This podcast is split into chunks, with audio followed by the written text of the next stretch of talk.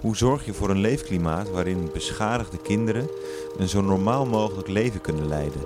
Hoe betrek je de biologische ouders? En hoe zorg je dat je je eigen gezin niet uit het oog verliest? Vragen die ik in aflevering 2 van meneer Stenes en de gezinshuizen verder wil verkennen. Met Priscilla en Jonathan, Onze visie is wel echt die gezinssetting. gezinshuiskinderen Tines en Roos. Wat voor mij gewoon heel fijn is, is dat ehm, je niet zeg maar het enige pleegkind bent. Het beseffen dat ik niet meer thuis woon. Dat toch elke keer weer. En met experts die me meer kunnen vertellen. En dan komen de hele persoonlijke verhalen die altijd heel erg navolgbaar zijn. Daar is dus nu eh, kwaliteitscriteria gezinshuizen uitgekomen. gekomen. Welkom bij aflevering 2 van de podcast. Welkom bij meneer Stenes en de gezinshuizen. We hebben verschillende vormen van gezinshuizen. We hebben gezinshuizen in loondienst. We hebben franchise gezinshuizen en we hebben vrij gevestigde gezinshuizen. En die zijn allemaal in een eigen systeem opgebouwd. Ik ga nu in gesprek met Katja van den Einde, beleidsmedewerker bij Present 24-7 en zelf gezinshuisouder. Ook ga ik in gesprek met Hans Jagers, senior inspecteur bij de Inspectie Jeugdzorg en Gezondheidszorg, over toezicht houden op de kwaliteit van gezinshuizen. We kijken naar de hulp die de jongeren krijgen. En dan maakt het ons niet uit eh, eh, of het nou een zelfstandig gezinshuis is of dat het een gezinshuis is die onderdeel uitmaakt van een grotere zorgaanbieder. We hebben ehm, in 2015 is er door de inspectie een controle gedaan, toen nog uit het eh, kader kwaliteitskader jeugdzorg. En daar kwamen wat ja, opmerkingen uit naar voren, zorgen. Ja, de, eh, concrete aanleiding was het eerste onderzoek bij eh, een tiental gezinshuizen, waarin eigenlijk bleek dat om een aantal aspecten de, de kwaliteit van de geboden hulp onvoldoende op orde was. Er is toen door VWS geld beschikbaar gesteld, een aantal eh, eh, grote eh, gezinshuis.com en de Driestroom hebben hun kennis beschikbaar gesteld. Ehm, eh, er is een, zijn onderzoekers betrokken geweest. Eigenlijk zijn we als werkveld uitgedaagd geweest toen van nou, schrijf je eigen kwaliteitskader. En daar is dus nu kwaliteitscriteria gezinshuizen uitgekomen. gekomen. Kwaliteit... Kwaliteitscriteria. Gezinshuisouders zijn, eh, eh, dat is niet iets wat je bedenkt omdat je denkt van nou, het lijkt me wel eens leuk om een jaartje gezinshuisouder te zijn. Mensen hebben allemaal hun eigen verhaal. Daar vragen ook altijd bij een, eh, als we in een gezinshuis komen, is dat een van de eerste vragen van wat heeft jullie nou toegebracht om een gezinshuis te willen hebben?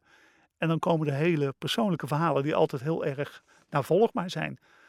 Als inspecteur kan ik makkelijker praten eh, eh, met eh, gezinshuisouders die heel veel verstand hebben van kwaliteitssystemen. Die, we spreken dan dezelfde taal. Bij gezinshuisouders die daar nog geen woorden voor hebben, is dat soms lastiger om erachter te komen welk systeem ze gebruiken. Maar ze zijn meestal wel heel erg gedreven om ervoor te zorgen dat ze het werk zo goed mogelijk doen. Ik wil juist dat er gekeken wordt in ons gezinshuis. En tuurlijk voel ik me soms heel kwetsbaar. Want het is niet alleen mijn werk, het is ook ons privé. Alles loopt door elkaar heen. Maar ik wil dat er ogen van buitenaf zijn en dat ik altijd kan waarborgen dat ik het wel gewoon goed heb gedaan. Ja, ja de- maar dat is natuurlijk ook wel, eh, dat moet ook je persoonlijkheid zijn. Met dat je, eh je hebt natuurlijk heel sterk dat je wil kunnen verantwoorden waarom we de dingen goed doen zoals we dat doen. Als gezinshuisouder ben je je eigen instrument. Dus het is echt heel belangrijk dat je goede zelfkennis hebt. En eh, niemand eh, heeft alle kwaliteiten. Ehm, maar het is dus ook fijn om te weten van, nou ja, dit zijn mijn aandachtspuntjes. Eh, en kan je misschien ook gebruik maken van anderen. Hè, als het jezelf niet zo goed lukt, dat je daarin juist hulp zoekt, op wat voor manier dan ook. Er zijn allerlei eh, ja, verschillende mogelijkheden.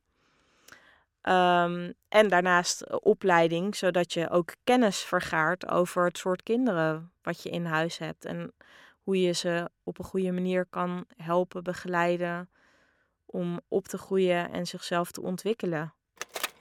Leefklimaat. Het gewone leven in een criterium gevat. Ja, nou, Nou, dat je gewoon. eh, dat het gewoon een gezin is. En dat niet. eh, want bijvoorbeeld op een groep, dan heb je niet een gezin. En ja, ik ben wel gewoon een persoon die zeg maar ook wel weer mensen dichtbij me wil hebben. Waarmee je wel gewoon een goede band mee wil hebben. En dat heb je hier wel gewoon voor mijn gevoel. Ehm, nou ja, het leefklimaat, het gezinshuis, hè, daar willen we graag een stabiele en veilige woonomgeving eh, bieden. En eh, ja, daar heb je een aantal facetten voor nodig om dat te bieden. Eentje is eh, de veiligheid. Is het leefklimaat veilig? En tweede, eh, waar we op letten, is naast de veiligheid, eh, is het leefklimaat gericht op, het, op de ontwikkeling van kinderen.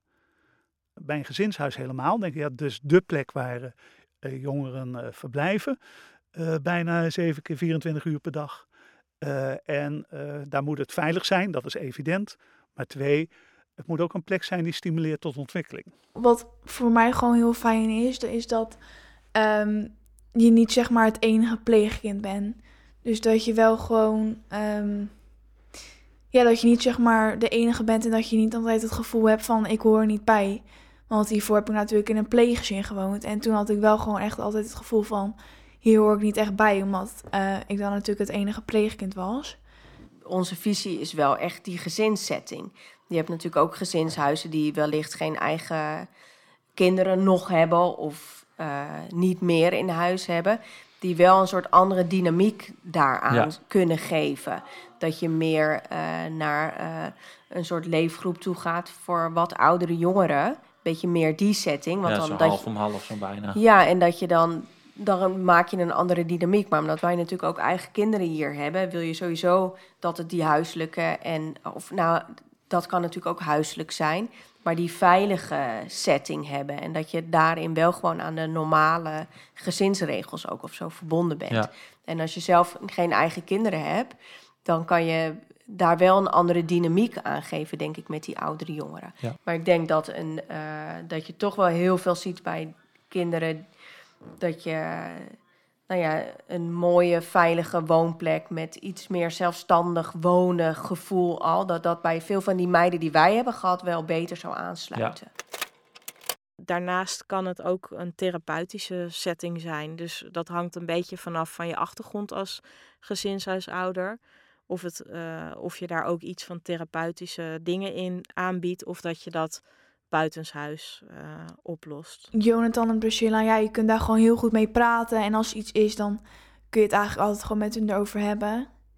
Met eh, de gedragsdeskundige, met zo'n therapeut van mij, daar eh, praat ik eerst ook elke week mee. En dan zijn we nu ook wel een beetje achtergekomen hoe het ook wel een beetje komt en zo. Ik heb Surf op Emoties, dat is een ja, soort werkboek. En daar staan dus allemaal opdrachten in die je moet maken. En die je zeg maar samen moet doen.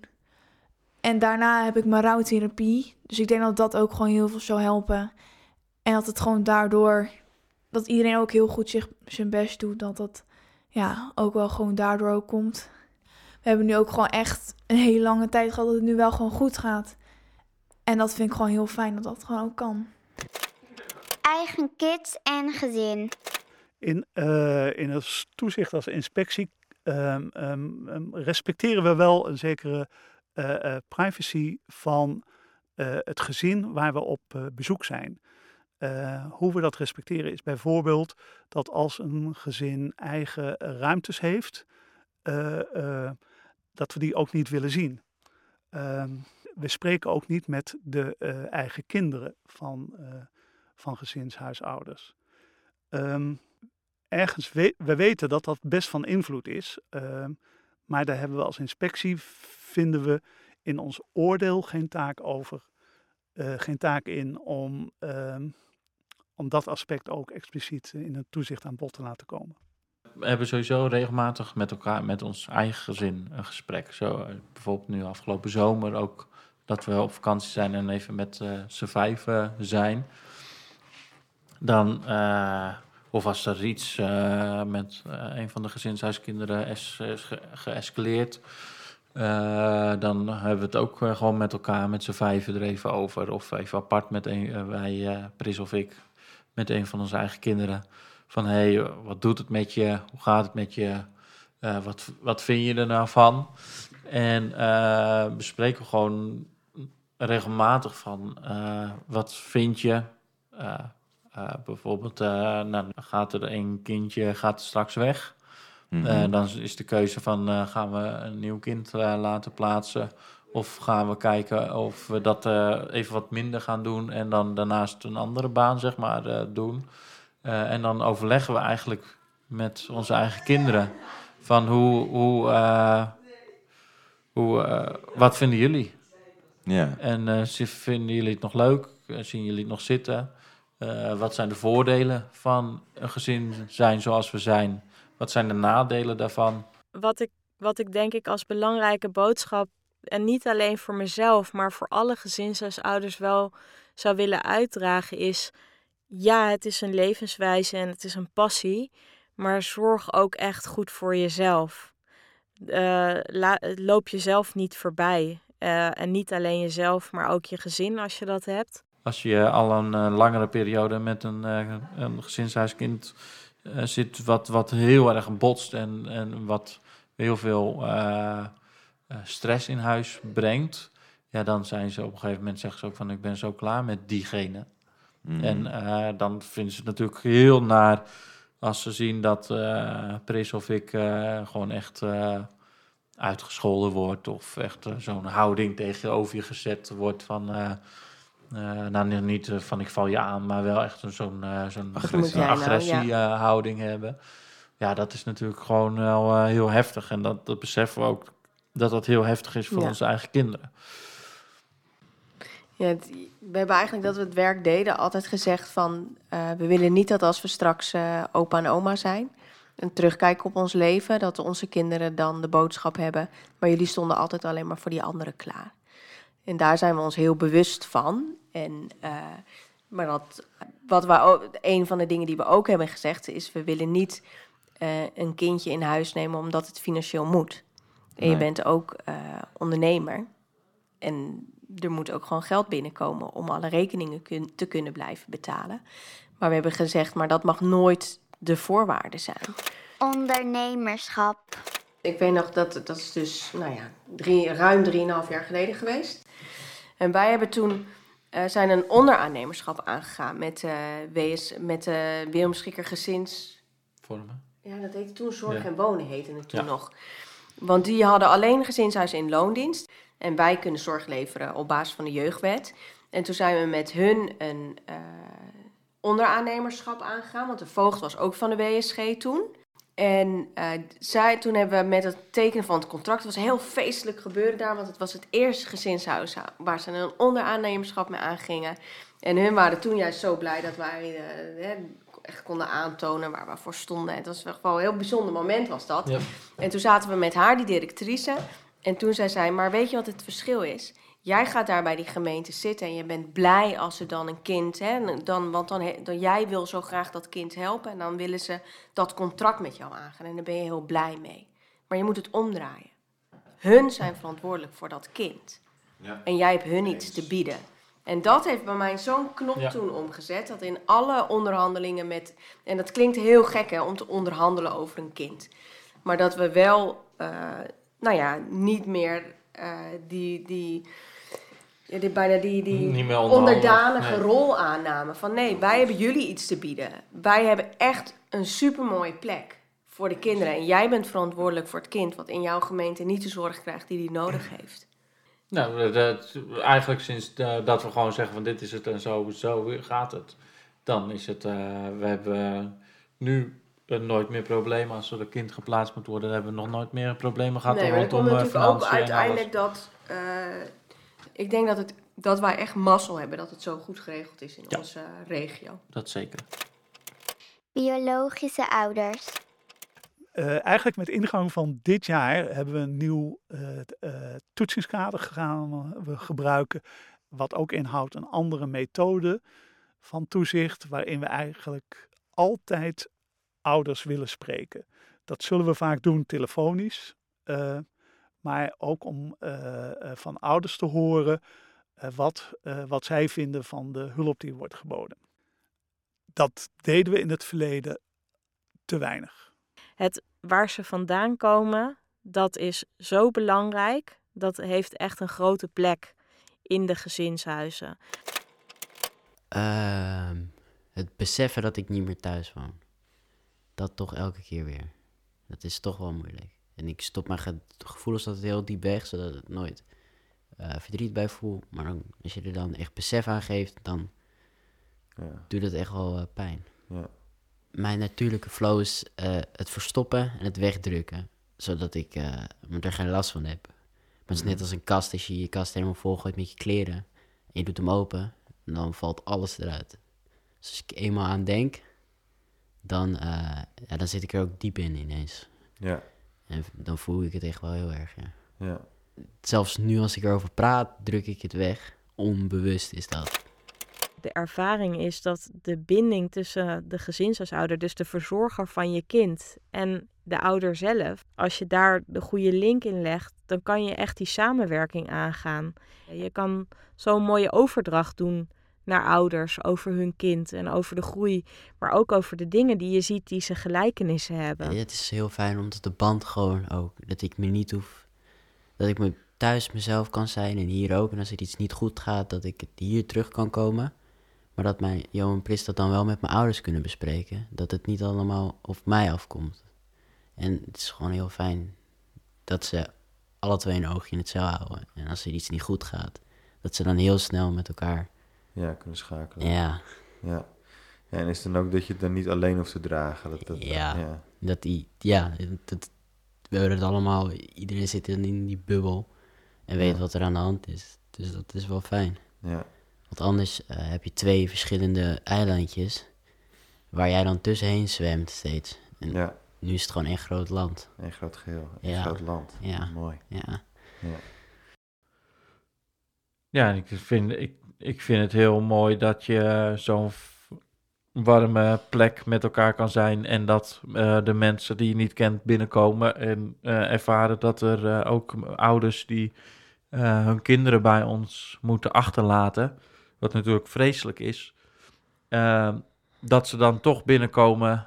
en dat is niet met allemaal zo, maar dat er wel ook echt een groot aantal binnenkomen en zeggen van oh, er is zoveel rust in dit huis en zoveel warmte. En uh, dat ze daar wel heel uh, blij mee zijn. En dat is ook wat we van vrienden horen. Dat, dat gewoon zoals we met elkaar omgaan en de lol die we hebben en de, dat wat er in huis hangt, dat dat uh, prettig is. Ja, en dat is denk ik ook iets waar ik zelf ook heel trots op ben. Dat die gekkigheid er ook altijd is. Altijd grapjes onderling. Ja. En de gezelligheid. En ik uh, ben trots op het feit dat we ook onze fouten kunnen erkennen en sorry durven te zeggen naar elkaar toe. Dit was een aflevering van meneer Stenes en de Gezinshuizen. Een zesdelige podcastserie over kinderen en jongeren die opgroeien in gezinshuizen. Ik vond het heel leuk dat jullie geluisterd hebben. Uh, hierna gaat Wiebe langs bij Merel. En er komen nog heel veel nieuwe podcasts aan. Uh, dus blijf ons volgen. De groeten van de Jopris en de kids. Meneer Stenes en de Gezinshuizen wordt gemaakt door Visionair Ordinair in opdracht van de branches gespecialiseerde zorg voor de jeugd. Present 24 keer 7 het Nederlandse Jeugdinstituut. Instituut. Gezinshuis.com. Vereniging van Nederlandse Gemeenten, het OZJ en het ministerie van VWS die samenwerken aan steeds betere jeugdhulp. Kijk op www.voordejeugd.nl voor meer info.